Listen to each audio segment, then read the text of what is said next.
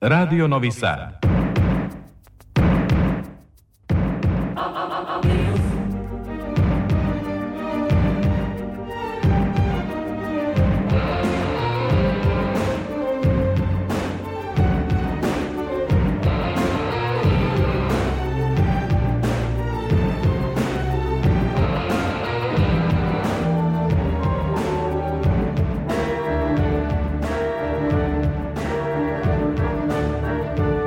Spektar.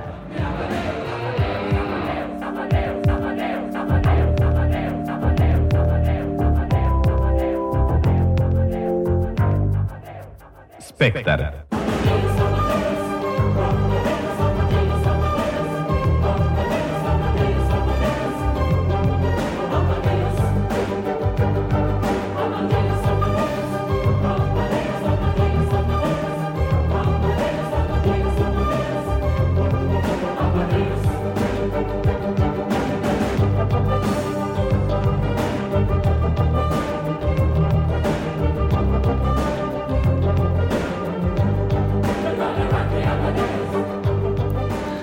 Dragi slušaoci, dobroveče. Ja sam Ivana Maletin Ćorilić i želim vam dobrodošlicu u Spektar. Nedeljni magazin za kulturu Radio Novog Sada na programu je u narednih sat i 15 minuta. Nedelja na izmaku bila je vrlo dinamična i sadržajna, te nećemo odužiti u najavi, već da se odmah prisetimo događaja koji su je obeležili. Objavljeni najuži izbori za sve tri književne nagrade, Vitalovu, Beogradskog pobednika i Ninovu nagradu. Sagovornik spektra pisac Srđan Srdić. Održana premijera filma Nedelja. Najavljen 17. Međunarodni filmski festival Kustendorf. Uručene nagrade Predrag Peđa Tomanović. U Novom Sadu otvorene dve izložbe. Sećaj se zauvek Aleksandar Tišma i Proces. Predlažem da uz šolju čaja dok posmetate kroz prozor bele pahulje slušate Spektar. I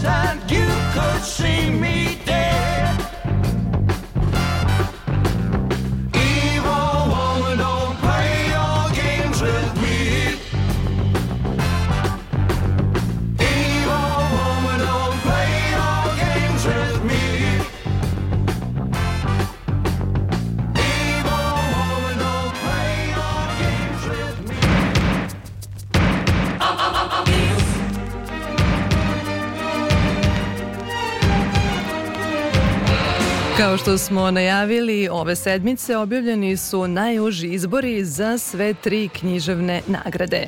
Za Vitalovu za najbolju knjigu konkurišu pesnička psihologija gravitacije Nenada Šaponje, zbirka priča Granična stanja Igora Marojevića i romani Aperkat, Maje Iskre, Večeras padaš sam Vladana Krečkovića i Vila Fazanka Bojana Krivokapića. Za beogradskog pobednika i Ninovu nagradu u konkurenciji su za obe romani dvojice Ninovaca Pakrac, Vladana Matijevića i pesma o tri sveta Vladimira Pištala. Za pobednika još i devojačka soba Stevana Vraneša, kanon potištenog uma Filipa Grbića, Aperkat Maje Iskre i Vreme vode Bojana Ostojića Savića. Za 70. dobitnika Ninove nagrade konkurišu još i Stevo Grabovac romanom Poslije zabave, Ljubomir Koraćević ostvarenjem u zemlji Franje Josifa i Srđan Srdić romanom Autosekcija. Sva trojica su već bili u izborima. Romani Srđana Srdića bili su u užim i najužim izborima. Sa Srdićem je razgovarala Tatjana Novčić-Matijević.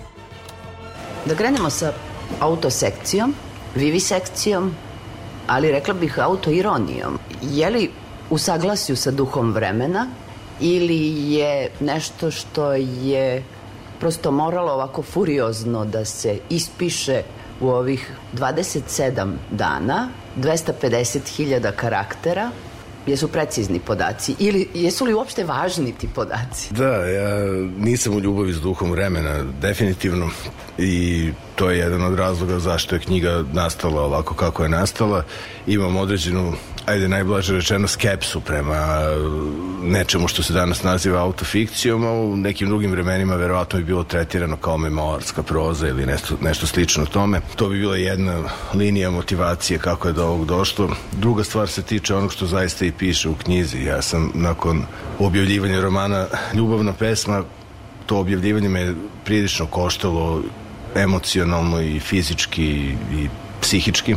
Imao jedan, činilo mi se baš dobar plan šta bih ja sad radio dalje i kako bi to trebalo da izgleda. Krenuo sam da radim, poslao sam taj tekst svom, da kažem, večnom uredniku Ivanu Radosavljeviću na uvid. Tekst imao nekih tehnoloških caka, bilo mi je značajno da on prokomentariše stvari da odobri.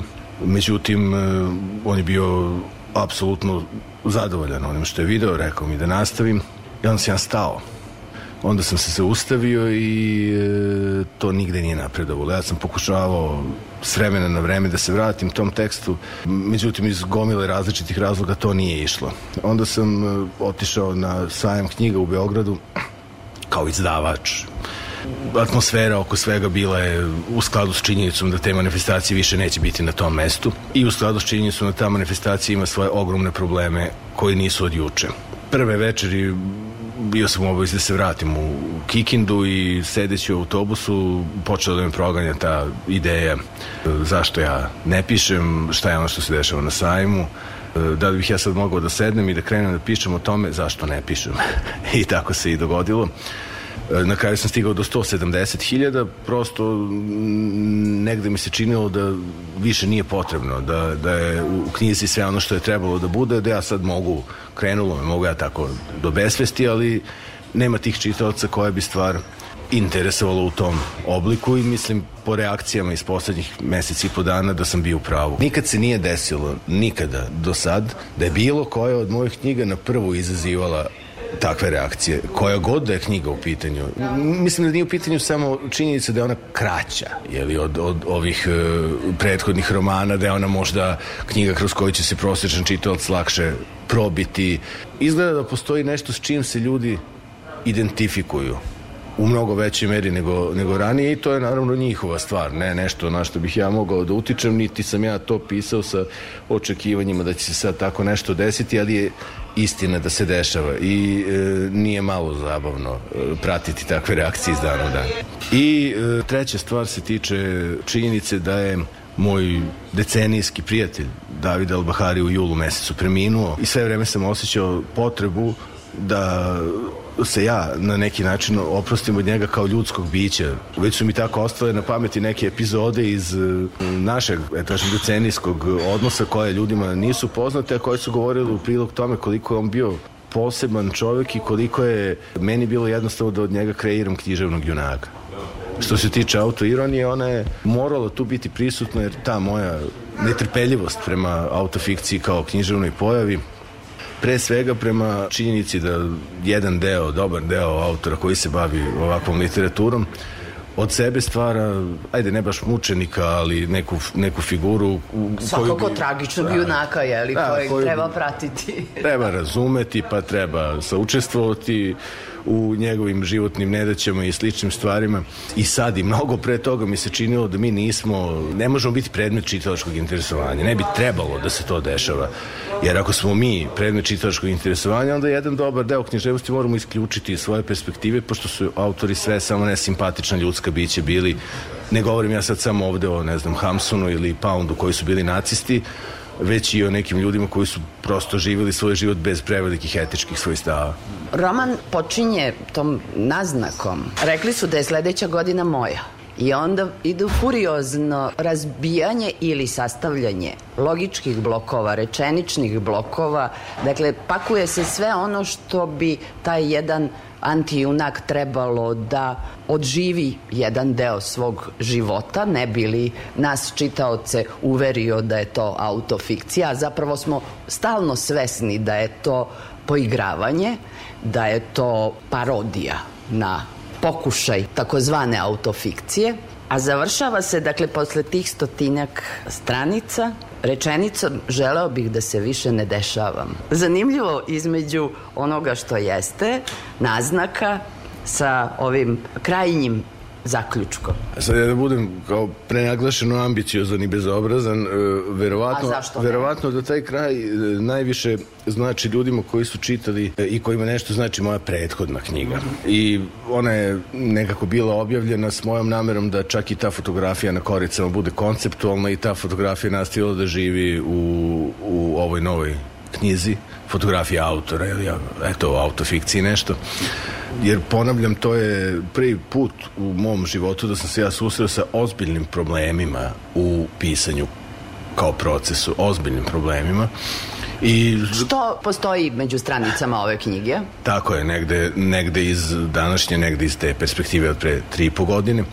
Ja obavljam jako mnogo različitih poslova, vreme prolazi i ne radi ni za mene, ni za bilo kog drugog, e, niti je zainteresovano za sve nas. I onda sam ja shvatio da je to između ostalog i posljedica činjenice što se ja ne mogu vratiti određeno stanje u kojima sam bio, da ja neću biti ni mlađi, ni lepši, ni pametniji i da moram da računam sa tim. Druga rečenica koja se učestvovalo ponavlja u knjizi, e, želeo bi da mi ostave na miru svi koliko ih ima, a ona jeste početna rečenica tog e, za sada nezavršenog e, romana dobila svoje značenje i u određenim delovima mog života. To osjećanje nadimajuće svejednosti Prvo mi je zanimljiva sintagma, a onda sve što se ispisuje u autofikciji zapravo je kontrapunkt toj nadimajućoj svejednosti. Je li nadimajuća svejednost osjećanje naspram duha vremena i konteksta književnog života? Recimo. Da, to, to bi bilo zdravo. To je nešto što ja mogu da preporučim baš svakome, posebno mlađim ljudima koji tek ulaze u, u sve ove stvari, imaju određene ambicije i imaju vrlo verovatno i određene iluzije. Mi se nalazimo u jednoj kulturi koja je sama po sebi mala, koja je nedorađena, koja je, pa, onako, parazitira mnogo problema različitih tu i e, mi ne činimo ništa baš za neke egzemplarne stvari, vrhunske stvari koje se tiču naše kulture, sve su to nekakvi incidenti, samosvojeni, nema nekog sistema koji to potpomaže, a kad toga nema, onda su sve ovo ili čašijska naklapanja ili nekakve stvari koje su sa aspekta budućnosti potpuno irelevantne. To da li ćemo se mi nadgovarati, ko je dobio koliko nagrada ili prodao koliko knjiga u datom momentu ili ne znam, nija lajkova na socijalnim mrežama, to je za budućnost bilo koje kulture apsolutno irelevantno i mislim da je najzdravije da čovjek u tom, u tom takvom kontekstu bude ipak svejedno. Svi prethodni romani su bili ili u užem ili u najužem izboru. Jel postoji taj iznova nalet nekakvih iščekivanja. Da li je ova nadimajuća svejednost dovoljno jaka da se pisac odupre eventualno toj, toj sad, neću reći furi, ali hoću reći jednoj, jednoj povišenoj temperaturi u, u književnom životu? Nije ta povežena temperatura čak ni loša ako govorimo o odnosu čitalaca prema nekim knjigama koje su se sad sticajem različitih okolnosti našle u tom najužem izboru, ne samo ove nego bilo koje druge godine i to je okej. Okay. To je nešto što nagrada, nešto dobro što nagrada čini tim knjigama. Sve ovo drugo je za nekog ko je proveo eto ja sam tu sad duže od 15 godina u, u, u književnosti, svačeg sam se nagledao, naslušao video, prošao kroz različite stvari, ne može da utiče na mene baš ni na koji način, ništa me veliko ne iznenađuje. S druge strane, ljudi koji rade taj posao, ja sam bio ne znam nija koliko puta član različitih žirija za dodelu književnih nagrada je nezgodna stvar. To je stvar koja uvek ostavlja neke posledice kog god da je ranga nagrada ovo je posao sujetnih ljudi, to, tu nema nikakve dileme, svi mi patimo od iste ili slične bolesti i ja pretpostavljam da niko neće predati tamo negde štampari i rukopis za koji smatra da nije, nadam se da je tako ono najbolje što bi on mogao da izvede u tom trenutku. Sve ovo dugo je sociologija na koju niko ne može da utiče, ne bi trebalo da utiče.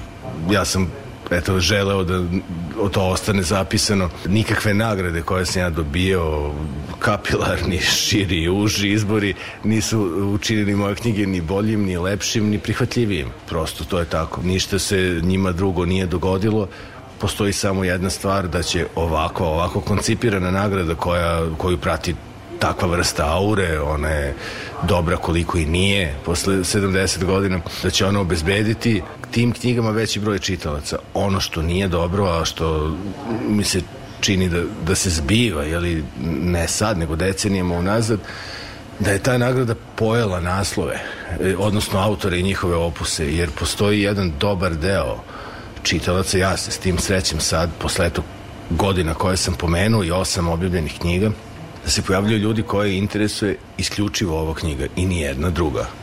Što će reći da njih ne zanimaju knjige, ne zanimaju ih autori, nego aura nagrade. I to je legitimno i ja mogu da mislim o tome šta hoću, ali to se neće promeniti.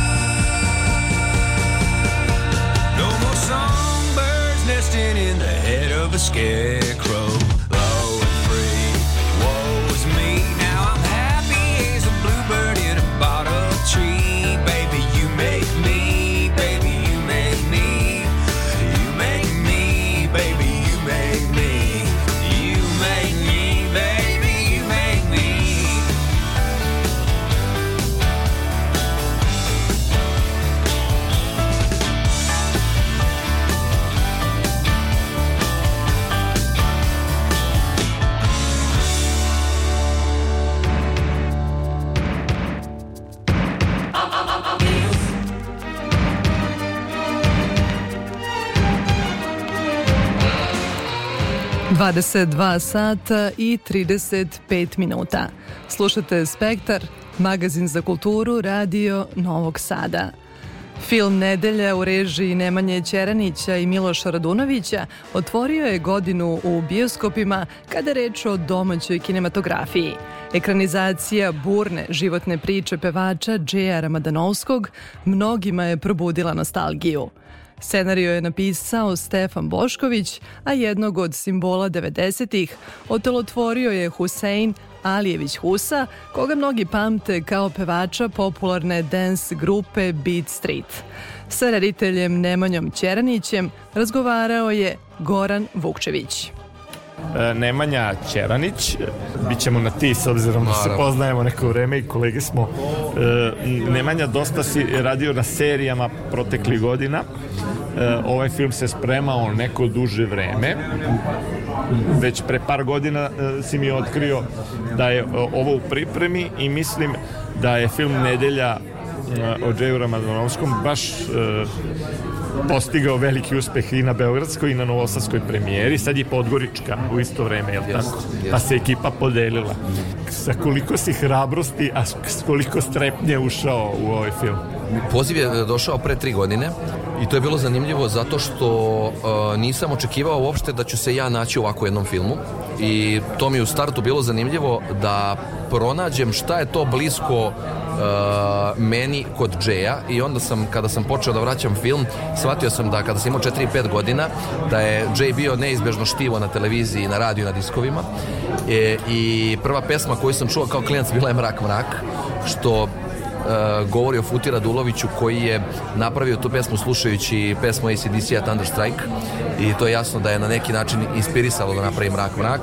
Tako da svaka dževa pesma ima posle kada sam odrastao, jel te, shvatio sam da ceo džev opus zapravo jako povezan sa zapadnom muzikom najviše sa funkom uh, i delimično sa rock and rollom upravo zato što je uh, Futa uh, pesme koje je pravio i muziku koje je pravio u tem aranžmanima su dosta podsjećali što u nekim um, kako da kažem aranžmanima, instrumentalizacijom i uh, nekom vrstom uh, harmonije uh, koji se koristio kroz skale.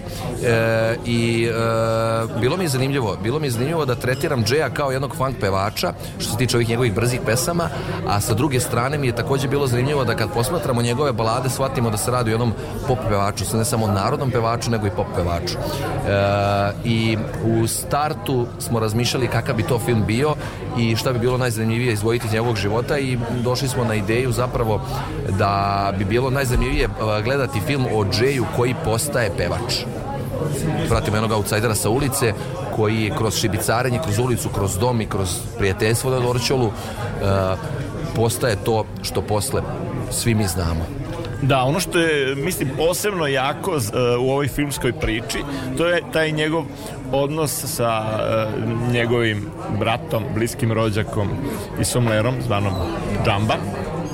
E, i e, uopšte taj, taj e, lik koji tumači Marko e, Janketić e, je sjajan i, i, i upravo Džejev uspeh na kraju veliki kao velike zvezde muzičke e, a njegov uspeh koji jeli, do, dovodi do tragičnog kraja da je negde sve vreme bio svestan da nosi tu harizmu koja je crna a, e, i da je bio vrlo ponosan u suštini na svog brata Džeja.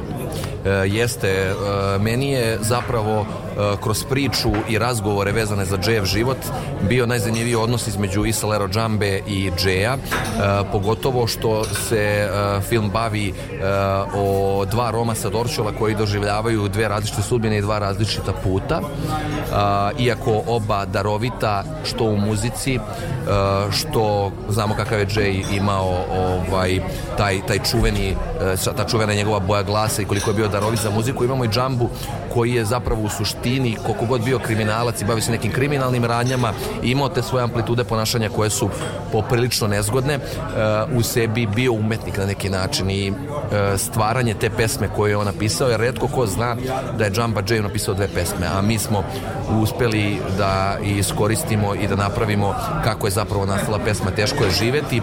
S tim da dosta u medijima pri, pričaju kako je Jamba napravio pesmu Uspeo sam u životu. Nažalost on nije napisao tu pesmu tu pesmu su napisali Marina i Fut. E, Da, i hteo sam još samo da te pitam, da li postoje naravno neke e, scene koje ćemo tek videti u seriji, E, da li je bilo nekih momenata koji su morali da izostanu iz filma s obzirom na milje kojim se film bavi i s obzirom na moć nekih ljudi, s obzirom na moć nekih protagonista i živih i onih koji nisu živi i da li je bilo nekih momenata koje si kao autor e, morao da se, e, kako bih rekao, da nađeš pravu meru? E, e, da. E, ono što je bilo zanimljivo, e, ja sam teo da kopam po tom odnosu između Džambe i Džeja i razmišljao sam o tome da film u jednom trenutku bude samo o njima dvojici. Međutim, ispostavilo se da kroz priču to nije, mogao, nije, nije moglo da se desi. Pre svega zato što jako je teško kada baratate sa biografskim filmom i da kroz priču, dokumentarnu priču i intervjue ljudi koji su ga poznavali uobličite u jednu filmsku strukturu. A da se nikom ne zamerite da se nikom ne zamerimo, da, ali ono što film sadrži u sebi je sigurno 85% fakata koji su oni nama ispričali. Recimo da je 15% e, romantizovano ili dodato ili izmišljeno, kao što je recimo Bela žena o kojoj je Jay pričao u svim intervjuima i ta njegova obsesija belom ženom kao Romu sa, e, sa Dorčola. To je nešto što je nadogradnje. Na, to je nadogradnja i fikcija i e, film jeste stilizovan u jednom, ajde da kažemo, e, Goodfellas ključu, zato što kada sam video e, slike njihove gde oni bleje u tim prvim kafićima na Dorčolu, u Arkadi, e, jako su mi bile inspirativne i e, podsjetilo me na, na film Dobre momke e, Martina Scorsesea i onda, da, da, i, i poigravanje tom strukturom, off naracijom, montažnim sekvencama. I kada se radi o onom tako širokom filmu, mislim da je ta struktura urodila plodom zato što smo mogli da zgusnemo vreme, a na neki način nekim filmskim sredstvima pokažemo i protok vremena i način na koji oni borave na Dorčolu. A što se tiče materijala, svakako ćemo gledati 12 epizoda u seriji. Takođe postoji gomilu scena i dalje sa Džambom, e, gomilu nekih scena koje su vezane za Džejev bračni život, e, kako je cijela jedna epizoda se bavi recimo Džejevom svadbom, koja je interesantna kao jedan e, je, je jedna epizoda koja je suštinski film za sebe. Tako da ovaj, dosta toga nas očekuje u seriji. E, film je e, napravljen iz ove strukture koju ćete sada videti i e, mislim da smo odabrali najbolji moguć e, tok tih linija priče, a ima ih podosta. Potpuno se slažem sa tim. E, mislim da će e, film, a ubeđen sam da će film imati veliki uspeh kod publike i da će imati e, svoj ozbiljan život i na domaćim festivalima, a i uspeh u regionu, rekao bih. E, hva- hvala ti Nemanja, želim ti pun uspeh. E, hvala i tebi i drago mi da smo pričali. E, bio je ovo Nemanja Ćerinić, reditelj filma Nedelja, govorio je za Spektar Radio Novog Sada.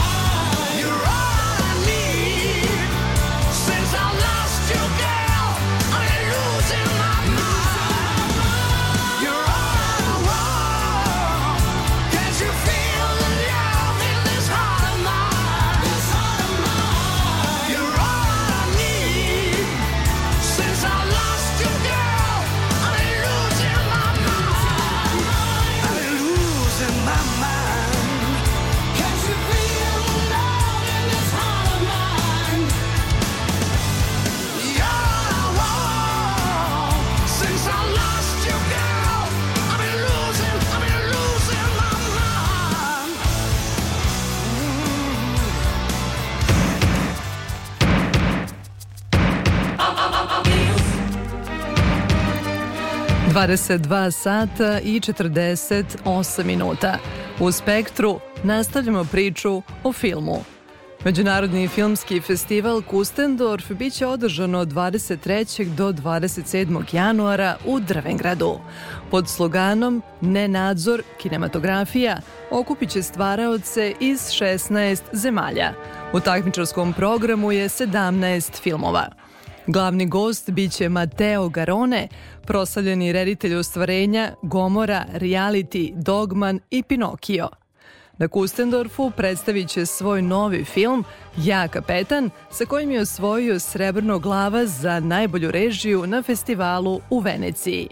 Svojim učešćem obeležit će 17. izdanje Kustendorfa, poručuje osnivač Emir Kusturica.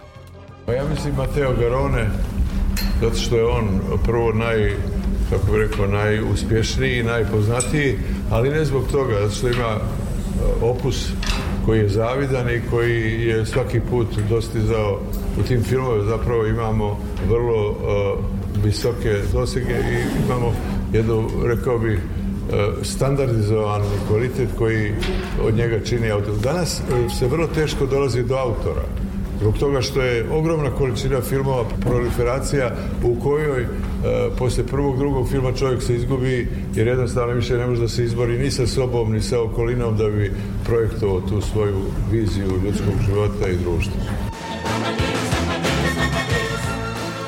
Dobitnik je nagrada Zlatno, Srebrno i Bronzano jaje kao i priznanja Vilko Filač za najbolju filmsku fotografiju izabraće žiri koji čine italijanski pisac i publicista Sandro Veronezi, glumica Bojana Panić i filmski režiser iz Uzbekistana Muzafar Kon Erkinov. Festival je posvećen mladim filmskim stvaraocima i velikanima svetskog autorskog filma. Prvim koracima koje mladi autori prave pokazuju strašno širok pojas interesovanja i on na kraju, kako bih rekao, on završava kao i Novi Zavjet.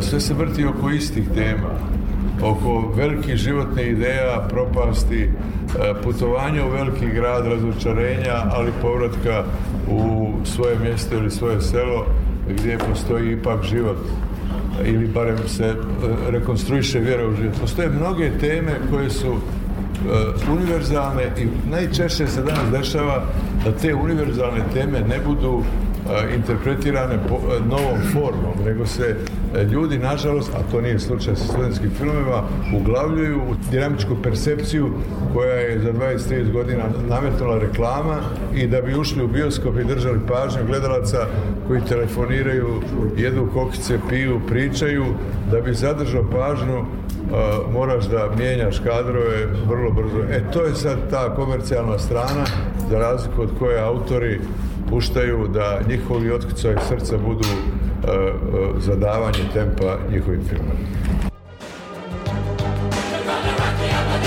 17. Kustendorf će i ove godine pratiti naš kolega Goran Vukčević. U narednom spektru čućete utiske sa festivala i razgovore sa učesnicima.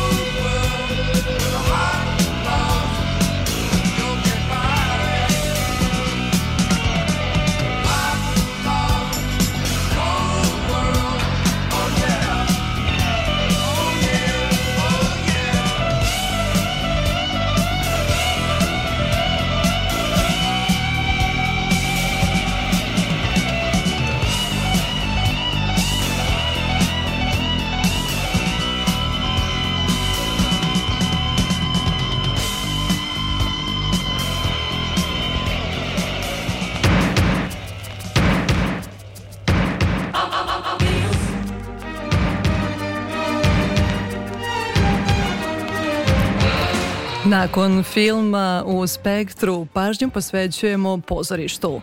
U Srpskom narodnom pozorištu uručene su nagrade Predrag Peđa Tomanović, koju istimena zadužbina dodeljuje u dve kategorije. Za najbolju ulogu ostvareno u našem najstarijem teatru u prethodnoj godini i najboljem diplomiranom studentu master studija glume na srpskom jeziku na Akademiji umetnosti u Novom Sadu, čiji prosek ocena nije niži od 9. Prema odluci žirija, nagradu za najbolju ulogu su ravnopravno poneli Dimitrije Aranđelović za ulogu u predstavi Evanđelje po Dostojevskom, reditelja Jernija Lorencija i Anđela Pećinar za ulogu u drami Bertove kočije ili Sibila u režiji Ivana Cerovića. Za najboljeg studenta Akademija umetnosti u Novom Sadu predložila je Emiliju Milosavljević u klasi profesora Borisa Liješevića sa prosekom 9.43. Priznanje koje nosi naziv nekadašnjeg prvaka drame Novosadskog teatra veliki je podstrek za mlade glumce, poručuje Aranđelović. Mi smo svi e, ranjivi i e, nekada preispitujemo kako to što mi radimo, kako to deluje na druge i zapravo nagrade jesu taj neki podstrek i vetar u leđa e, koji nam pomaže da idemo dalje i zapravo neko priznanje da smo mi na nekom dobrom putu i da zapravo publici e, dajemo ono što, što mi e, radimo na tim probama i zapravo da, nagrade su nam sigurno jako važne i meni je, ja sam baš ponosan i drago mi što sam dobio baš ovu nagradu.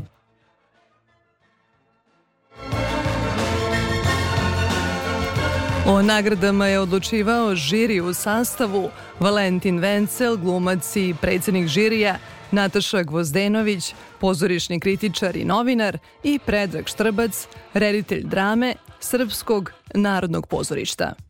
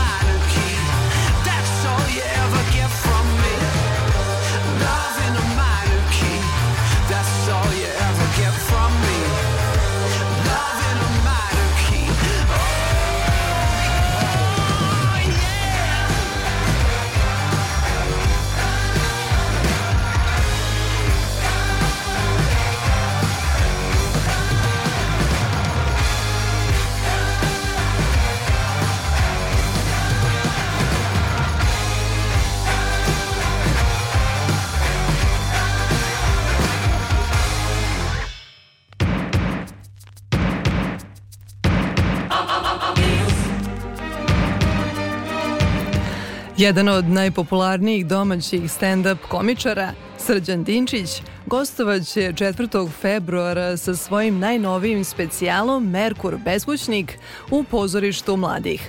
Scenarista i učesnik emisije Veče sa Ivanom Ivanovićem i četiri pomoškarca, koji već 13 godina uspešno bitiše u svetu komedije, izveo je Best of u Novom Sadu o aktuelnoj domaćoj stand-up sceni, organizaciji Stand-up RS, počecima, kao i uticaju društvenih mreža na savremeno poimanje humora, govorio je za naš radio. Best of inicijalno označava retrospektivu, e, krunu karijere. A što to podrazumeva u svetu stand-upa? Kako nastaje best of nastup? To moj best of nastup nastaje tako što, kao što sam objasnio sad na početku nastupa, zavučem ruku u, u, u neki šešir, to jest u moju glavu i koju šalu izvučem iz nje, koje se setim, to ispričam. Zato što mi je previše komplikovano da, da se bavim time koje šale publika već zna sa interneta i koje su zaista najbolje. Ne, ne, ne bih mogao da se odlučim i onda zaista ovako prema nekom svom osjećaju kako publika reaguje prema tome ja i pričam taj tekst. Kada ste počinjali pre 13 godina, stand-up scena u Srbiji nije ni postojala. Je li osnivanje stand-up organizacije bilo ključno za afirmaciju tog žanra u našoj zemlji? Pa da, kada je Milica Mihajlović smislila da, da, da bi trebalo da postoji stand-up komedija u Srbiji, ključno je bilo to što ona to, mislim, pokrenula ni iz čega, iz potpuno svoje neke, da ne kažem, sulude ideje, da, da, da, da, da krene neka, neka scenska forma koja do tog trenutka nije postojala. I onda ona pravila te otvorene mikrofone gde su se ljudi prijavljivali i, i postojali komičari kroz nastupe. Ja nisam tako došao, ja nisam kroz te večeri, to se popularno zove otvoreni mikrofon i ja sam došao tako što me videla na internetu, ja sam napisao neki svoj tekst, pa sam nastupio u Sremskoj Mitrovici u pozorištu na maloj sceni, okačio je to neko na internet i onda ona videla pa me zvala. Inače su uglavnom svi drugi komičari dolazili kroz te otvorene mikrofone gde su pokušavali za pet minuta da pokažu i publici, a boga mi i sebi da, da mogu to da rade. Tako da tih, tih dana kada je bilo nas 5-6, kad smo tek počinjali, bilo mnogo drugačija slika stand-up scena nego sad i ljudi nisu znali tačno šta je to. Mi smo se tu isto tražili zajedno s publikom, ali drago mi je da je to sad došlo do ovog nivoa na kojem. Da, kako su izgledali ti vaši početci? I ko su vam bili uzor i na koga ste se ugledali? Pretpostavljam na neke američke komičare. Da, ja kad sam počinjao nisam pre, preterano ni poznavao uopšte ni američku scenu, ni englesku. Ja sam prvo napisao taj tekst koji je bio onako blaga neka, to više ličilo na neku monokomediju, recimo, ne, neko onako malo labavio, kao što vidite sad iz, iz ovog nastupa, to, to sam stvarno pričao svemu bez tabua, bez zadrške i malo, malo nekad bude neumesno i na ivici. A ka, kad sam počinjao, to je bilo onako nekako blago da bi moglo da ide i, i uz, recimo, ajde sad lupa veselo veče što je nekad bilo na radiju, kultni radijski program. Bilo je baš, baš prilagođeno da, da sam mogao da pričam i pred mamom i tatom na nedeljnom ručku, ovo sad ne bih smeo, što sam sad ispričao. Da, tako da se drastično promenila i moja, moja vizura stand-up komedije od tada. Uzori su posle kad sam počeo da gledam, ne znam, bili uh, Louis C.K. i Ed Izzard koji je kasnije gostovao kod nas, ja sam imao tu čast da, da, da otvaram njegov nastup. Onda, ne znam, Ricky Gervais, sad mi je malo postao dosadan da, da, zato što, što je počeo namerno da, da, da gura taj edge humor, da, da, da na ivici sad već preterao, sad već, već, već je postalo malo naporno, ali on mi je bio jedan od uzora, pogotovo zbog, zbog njegovih tekstova o životinjama. Koliko vas je privlačila televizija kao medij? Je li vam ona donala tu prepoznatljivost? Probali ste se u mnogim formatima, Survivor, posle kviz, pa još ste deo emisije Četiri po muškarca. E, nije me preterano privlačila televizija da budem ispred kamere. Moram da priznam, ja sam, ja sam imao ideju da budem s ove druge strane kamere, da samo pišem, a da neko drugi izgovara moj tekst. Potpuno, potpuno nekako, da ne kažem slučajno, sam dospeo s ove strane kamere. Nije mi, nije mi padalo na pamet u tim nekim trenucima. Kad se prijavio Survivor, imao sam ideju da me neko primeti, pa da radim s ove druge strane kamere. Nekako mi to delovalo kao neki put očigledno nisam puno ni pogrešio, ali ni, ni sad ja nisam nešto pretjerano zaluđen televizijom i to ja više volim ovako, više volim uh, uživo nastupe u klubovima i u pozorištima nego, nego bivstvovanje na televiziji. Iako sam kviz jako volim, sad ću ovde zvuči kao da ne volim da radim večer s Ivanom Ivanovićem. To sam sad mi pričinio veliko zadovoljstvo i veliku stvar smo uradili sa, sa tom emisijom, ali je ovo nešto u čemu ja, ja baš, baš uživam.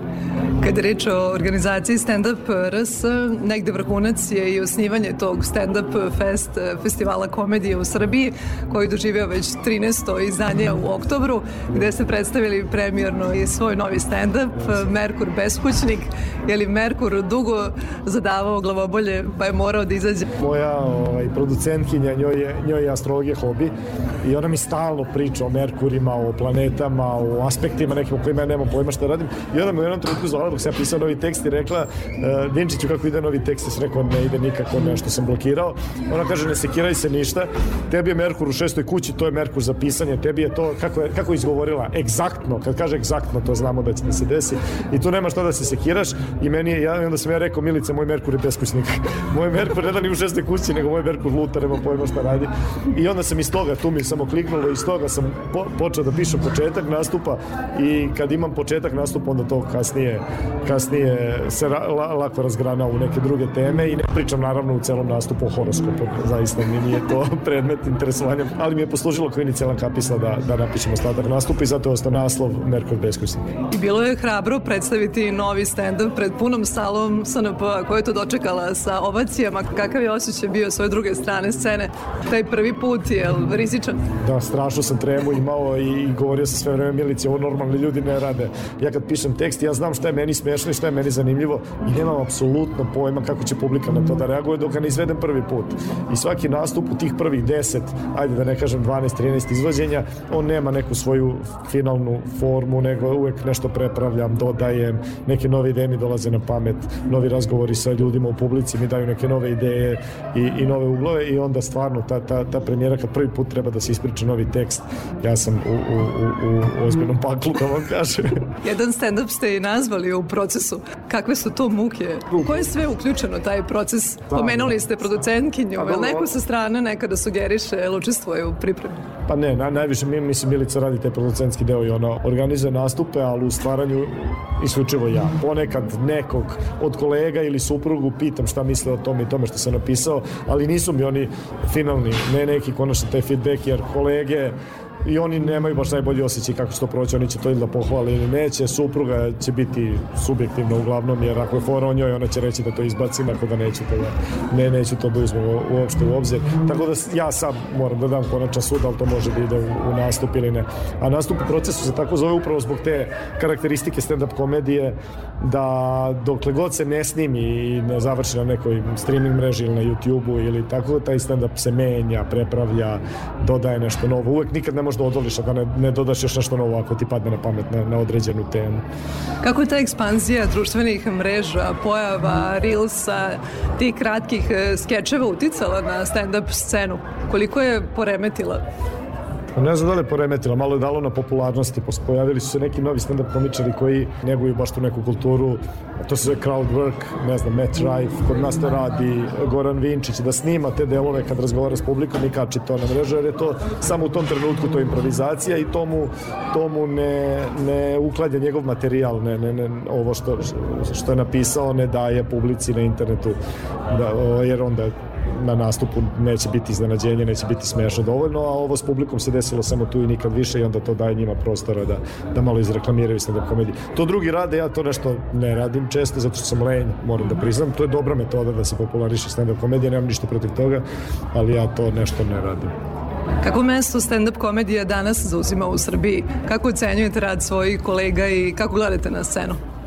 Pa scena je po, porasla, ima, ima poprilično ljudi koji, koji se bave time. Sad, sad neću da ulazim u to da, da, da li je to sve kvalitetno ili nije kvalitetno. Baš ne volim to. Čak, čak ne volim ni savete da dajem. Često mi ljudi pitaju, pošto se već dugo bavim time, da dam neki savet. Ne zato što sam, e, ne znam kako to da objasnim, glupo mi da je nekog savjetujem. Sad zato što je baš individualna stvar. Baš je, baš je subjektivno i svako drugačiji ima smisla za humor i svako drugačiji hoće da raz, razgovara s publikom, svako drugačije pristupa temi i onda ako ja nekom dam savjet kako ja pišem, što, što da se ne lažemo, zaista ni ne umem da objasnim. Ne, ne umem da objasnim, jednostavno sedem i napišem. Jako je, jako teško ovaj, davati savete i procene, ali je porasla stand-up scena, postoji puno klubova gde se, gde se stand-up komedija odigrava, puno ljudi zna šta je stand-up komedija, publika dolazi na, na, na, na naše predstave, tako da, da je to lepo. Koliko je svakodnevnica u Srbiji inspirativna, je li humor najprikladniji način da se kaže istina bez uvrede? Pa da, humor je jedna lepa ambalaža u kojoj može da se uvije nešto što misliš, a da ljudi dođu sami, da dovedu sebe u situaciju da im ti ubaciš nešto u uvo, zato što si upakovao u neku prijemčivu ambalažu, a to svakako humor jeste.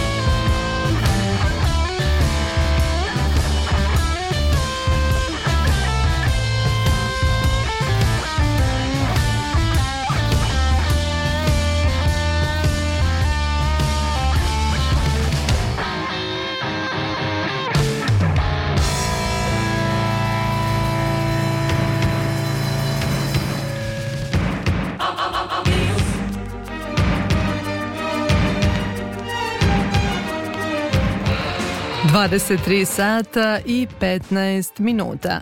Pratite Spektar, magazin za kulturu Radio Novog Sada. Izložba Sećaj se zauvek Aleksandar Tišma, autorke Mirjane Frau Gardinovački, otvorena je u likovnom salonu Kulturnog centra Novog Sada. Trajaće do 30. januara u okviru manifestacije Ledena tišina, kojim se svake godine obeležava sećanje na žrtve novosadske racije, a ovoga puta i stogodišnjica rođenja jednog od najznačajnijih i najprevođenijih pisaca 20. i 21. veka. Aleksandar Tišma je najveće literarne domete ostvario bavići se temom stradanja u drugom svetskom ratu. Istakla je autorka Mirjana Frau Gardinovački sa kojom je razgovarala Isidora Bobić. Tvoja izložba je izraz kulture sećanja na Aleksandra Tišmu, ali ne samo na njega, nego i na holokaust i na to vreme i na Novi Sad. Izložba posvećena Aleksandru Tišmi povodom stogodišnjice od njegovog rođenja nosi naslov Sećaj se zauvek, Aleksandar Tišma. E, taj naslov smo preuzeli e, iz nemačkog prevoda njegove autobiografije, e, koja inače u srpskom izdanju se zove Sečaj se večkrat navali. Aleksandar Tišma je poreklom jevrejin pa, sa majčine strane. Raciju i holokaust e, nije lično doživen, imao lično iskustvo, ali um, njegova baka je sticajem srećnih okolnosti izbegla raciju, i svoja sećanja je na Aleksandrovu inicijativu zapisala u 93. godini rukom u svesku i ta knjiga je objavljena 2012. godine, nosi naslov Istinita priča, Terez Miller. Aleksandar Tišma se u svojim delima podrobno bavio temom holokausta, temom stradalništva, tako da je tematski njegov sveukupni opus vezan za ne samo za novosadsku raciju, nego za holokaust i zlo u civilizaciji i u savremenom čoveku uopšte. Izložbu si okarakterisala kao a, multimedijalnu i dokumentarnu. Dokumentarni deo izložen je na osam plakata formata B1. Na plakatima je izložena biografska priča Aleksandra Tišme koja je potkrepljena fotografijama iz privatne arhive i zaostavštine Aleksandra Tišme. To je dokumentarni deo, multimedijalni deo biće predstavljen na monitorima, imamo pet monitora. Na jednom od monitora prikazani su citati Aleksandra Tišme, E, jedan monitor e, prikazuje naslovne strane celokupnih dela Aleksandra Tišme koja je objavila akademska knjiga, Atila Kapitanj je autor ilustracija, Potom tu je animacija koju je radio akademski slikar Uglješa Colić i imamo animaciju koju je radio uh, pisac Milan Tica, mladi srpski pisac. I je, na jednom od monitora prikaz, uh, prikazuje se kratki film uh, gde smo dronom snimali ključna mesta u Novom Sadu koje je Aleksandar Tišma voleo da posećuje i koja, za koje je bio vezan svojom karijerom. Uh, u pitanju Matica Srpska, Srpska akademija nauka i umetnosti, snimali smo Tanudžićevu palatu, katoličku portu, kežrtava racije i tako dalje. Na četiri tablet uređaja biće prikazani prikazi, izjave eminentnih evropskih pisaca koji će govoriti o što o svom poznanstvu ličnom sa Aleksandrom Tišmom, što o njegovom književnom opusu koju su imali priliku da čitaju u prevedenim izdanjima jer je Aleksandar Tišma jedan od najprevođenijih novosadskih pisaca. Na jednom od tablet uređaja biće prikazan sajt fondacije Aleksandar Tišma, kao i sve naslovne strane prevedenih izdanja na svetske jezike, potom vest žirija iz Darmštata iz 2021. godine kada je Tišmina autobiografija prvi put prevedena na nemački jezik i proglašena knjigom meseca juna u Nemačkoj. To je multimedijalni deo izložbe i izložba je prilagođena slepim i slabovidim osobama na osnovu očitanog QR koda oni mogu da preslušaju audio sadržaj izložbe i poslednja stvar koja se tiče multimedije je takođe preko QR koda dostupan autentičan zapis zapis gde Aleksandar Tišma čita svoju priču Čovek u mlečnom restoranu. Da li je izloženo nešto od artefakata, baš od njegovih ličnih stvari? I ako jeste, kako si uspela da dođeš do njih? Do ličnih stvari a, iz ostavštine Aleksandra Tišme došla sam zahvaljujući njegovom sinu Andriju Tišmi koji je jedan od saradnika na realizaciji ove izložbe, samim tim što nam je dozvolio da uđemo u stan gde je nekada živeo Aleksandar Tišma, gde sada živi njegova porodica, njegov sin i unuka. E, imamo naočare Aleksandra Tišme, penkale, rukopise, pisaću mašinu, e, namešte iz radne sobe, radni sto, fotelju i tako dalje. Ko se sve udružio sa tobom da se rađuje, pošto ipak bio potreban tim da bi se Naravno. napravilo? Na saradnice na organizaciji u prvom redu moja koleginica iz Kulturnog centra Novog Sada Milena Graovac, potom Marijana Jelisavčić-Karanović koja je i priredila uh, bibliografiju Aleksandra Tišme u kojoj su navedena sva prva izdanja na srpskom jeziku i na 22 svetska jezika. Potom tu je uh, Milan Tica, Mirjana Grdinić, Uglješa Colić, Zoran Nikolić, Dušan Grdinovački, Milan Kolarski, uh, ekipa iz Srpskog narodnog pozorišta, ekipa iz Matice Srpske, Akademija umetnosti u Novom Sadu, Gradska biblioteka, uh, Gradsko veće Novog Sada, grad Novi Sad je podržao ovu izložbu, Istorijski arhiv grada Novog Sada, zaista, zaista veliki broj saradnika. Ja ti želim da izložba bude posjećena. Hvala ti mnogo što si govorila za Radio Novi Sad. Hvala tebi. Dragi slušalci, bila je to autorka izložbe posvećene Aleksandru Tišmi, Mirjana Frau Gardinovački.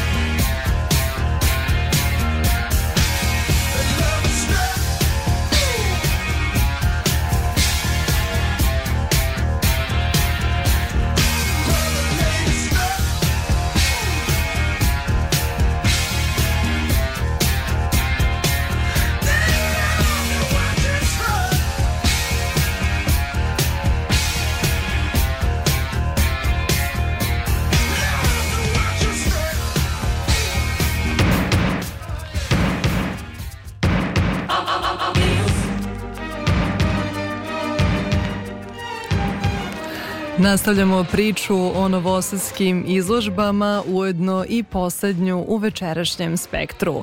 Naime, u Muzeju Vojvodine do 28. januara traje izložba Proces, koju je u saradnji sa još tri institucije kulture u regionu ostvarila spomen zbirka Pavla Beljanskog u Novom Sadu. Reč je o velikom projektu o rebrendiranju i novim dizajnerskim rešenjima, čiji je nosilac Kulturni centar u Trebinju, a obuhvata sedam partnera u regionu i Evropi u okviru programa Kreativna Evropa. Nakon Novog Sada, izložba se u februaru seli u Muzej savremene umetnosti u Banja Luci, u martu umetničku koloniju u Danilovgradu, a završna je u aprilu u Kulturnom centru u Trebinju. Projekat je trajao 40 meseci, svaka institucija imala je lokalnog mentora koji je radio sa dva mlada dizajnera. Tatjana Novčić-Matijević razgovarala je sa Nemanjom Mićevićem iz Muzeja savremene umetnosti Republike Srpske u Banja Luci i sa Manetom Radmanovićem, mentorom dizajnerskog dvojca za spomen zbirku Pavla Beljanskog. Pitanje za obojicu, pošto dolazite iz institucija koje imaju tradiciju. Je li to bilo opterećenje? Kako ste rešili taj problem? Prepoznatljivost institucije i sada nova energija, nova rešenja. Naš slučaj, slučaj Muzeja savremene umetnosti Republike Srpske u ovom projektu je nešto drugačiji odnosno na druge institucije. E, Ja sam zaposlen u Muzeju savremene umetnosti i kao lokalni mentor imao sam nešto drugčiju poziciju u odnosu na ostale. Svi ostali lokalni mentori imali su zadatak koji je podrazumijevao nešto striktnija pravila i striktnije zadatke koji su bili pred njima. A u našem slučaju to je bilo nešto malo drugačije s obzirom da ja već radim u Muzeju savremene umjetnosti i iz te pozicije e, kompletan vizualni identitet koji se kreirao ostaje zapravo meni i ja nastavljam dalje da radim sa njim. Tako da nije bilo neophodno da se naprave striktna pravila, striktne varijante, već jednostavno taj identitet će nastaviti živi sa mnom. Prosto vaš proces, jel? Tako je, tako je. I da naravno spomenem odmah i Luku Matića i Sonju Jovanović, mlade dizajnere koji su radili, sa čim radom sam prezadovoljan, posebno kad je u pitanju Luka Matić, koji je imao fenomenalne i ideje i nevjerovatan, prije svega likovni dar, kad je u pitanju grafički dizajn, što se danas sve uh, rijeđe uh, sreće, s obzirom na česta generička rješenja, kod njega to nekako koji dalje živi na tom nekom nivou likovnosti koji je potpuno nevjerovatan. Ona autentična, je? Apsolutno, da, da. Ja sam Mane Radmanović, grafički dizajner iz Beograda. Ja sam bio mentor za instituciju kulture u Novom Sadu, spomen zbirka Pavla Beljanskog. Bilo je teško raditi sa institucijama koje stvari imaju veliku tradiciju. Spomen zbirka Pavla Beljanskog je dobrim delom i zakonski zaštićena u Jest. jednom delu. Jest, u jednom delu jest. Mi smo imali taj proces upoznavanja s institucijom, pa je onda došli do toga da smo se bukvalno bavili tim administracijama, da čitamo dokumente koji govore šta je zaštićeno, šta nije zaštićeno, pa smo onda u stvari došli do toga U stvari najviše u razgovoru sa zaposlenima da ono što mi treba njima da isporučimo treba da im olakša posao u instituciji, to je pod jedan. Pod dva jeste da im je jako bio drag logotip koji su imali i nama je u stvari on bio nekako sama konstrukcija tog akronima sa ZPB nam je bila jako, jako zanimljiva, ali nismo bili zadovoljni kako je to bilo grafički rešeno. I onda je u stvari, to što, da se, se vratim na tradiciju, nama je falio duh zgrade, pošto sama zgrada koja je u stvari jedan modernistički biser iz 60. godina prošlog veka je falila u tom identitetu, odnosno e, nekako principi modernizma i uopšte to što je Pavle Beljanski možda gde živi dalje tretirao kroz gradu. Tako da smo uveli kroz identitet u stvari tradiciju modernizma, odnosno tradiciju zgrade. Onda smo se bavili samom kolekcijom, pošto je ono što je zanimljivo, na primjer, evo sad u slučaju kod Muzeja Savremene Republike Srpske, jeste da njihova kolekcija se non stop širi, odnosno oni imaju tendenciju jeli, da kupuju radove, da se širi, da, odnosno vama se doniraju radovi isto.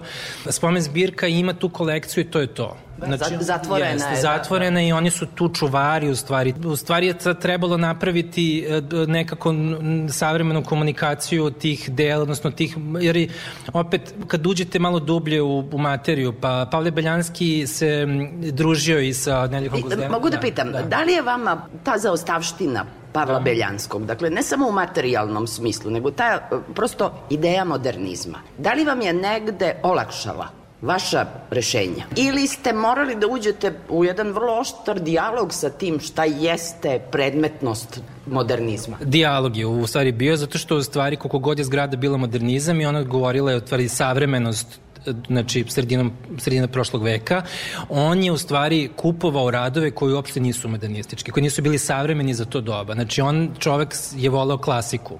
I to u stvari nije bio modernizam. I onda je trebalo napraviti sada mi smo želi u stvari da napravimo tu kombinaciju da se to da su te, te dve stvari pomirene na neki način vizualno. Odnosno, to se kroz identitet uh, nije, nije pričalo.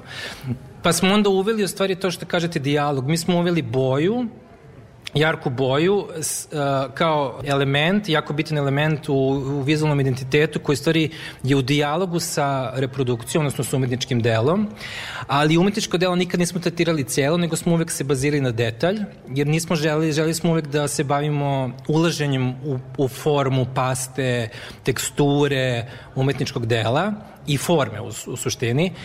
I onda imamo sada umetničko delo koje u stvari je neki detalj sa, odnosno detalj umetničkog dela, s druge strane imamo boju, koja u stvari je u tom dijalogu često u nekom e, klinču, možda, ali nam se učinilo to kao idealan pravac. Da, da se da stvari pomire modernizam, odnosno da se pomeri ono što je ljuštura kolekcije ono što je sama kolekcija, odnosno zgrada i ono što je u zgradi. To je bio jedan, jedan deo, a onda drugi deo je bila tipografija da koristimo dva pisma, da je jedno modernističko, drugo je, drugo je klasično, odnosno serifno, i koji u stvari se povezuje isto sa Beljanskim koji je u stvari bio diplomata, pa i onda ono je nekako i diplomatsko i tako. Na, na sve smo nekako mislili, ali smo, ne znam, čini mi se da smo u stvari najviše slušali zaposlene u instituciji.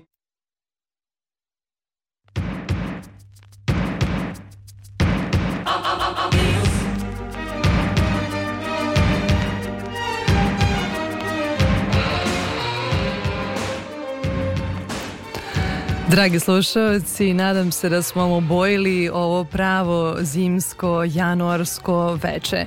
Sa vama smo i narednog petka od 22 sata i 10 minuta. Moje ime je Ivana Maletin Ćorilić u ime ekipe koja je realizovala nedeljni magazin za kulturu Radio Novog Sada. Želim vam prijetan vikend.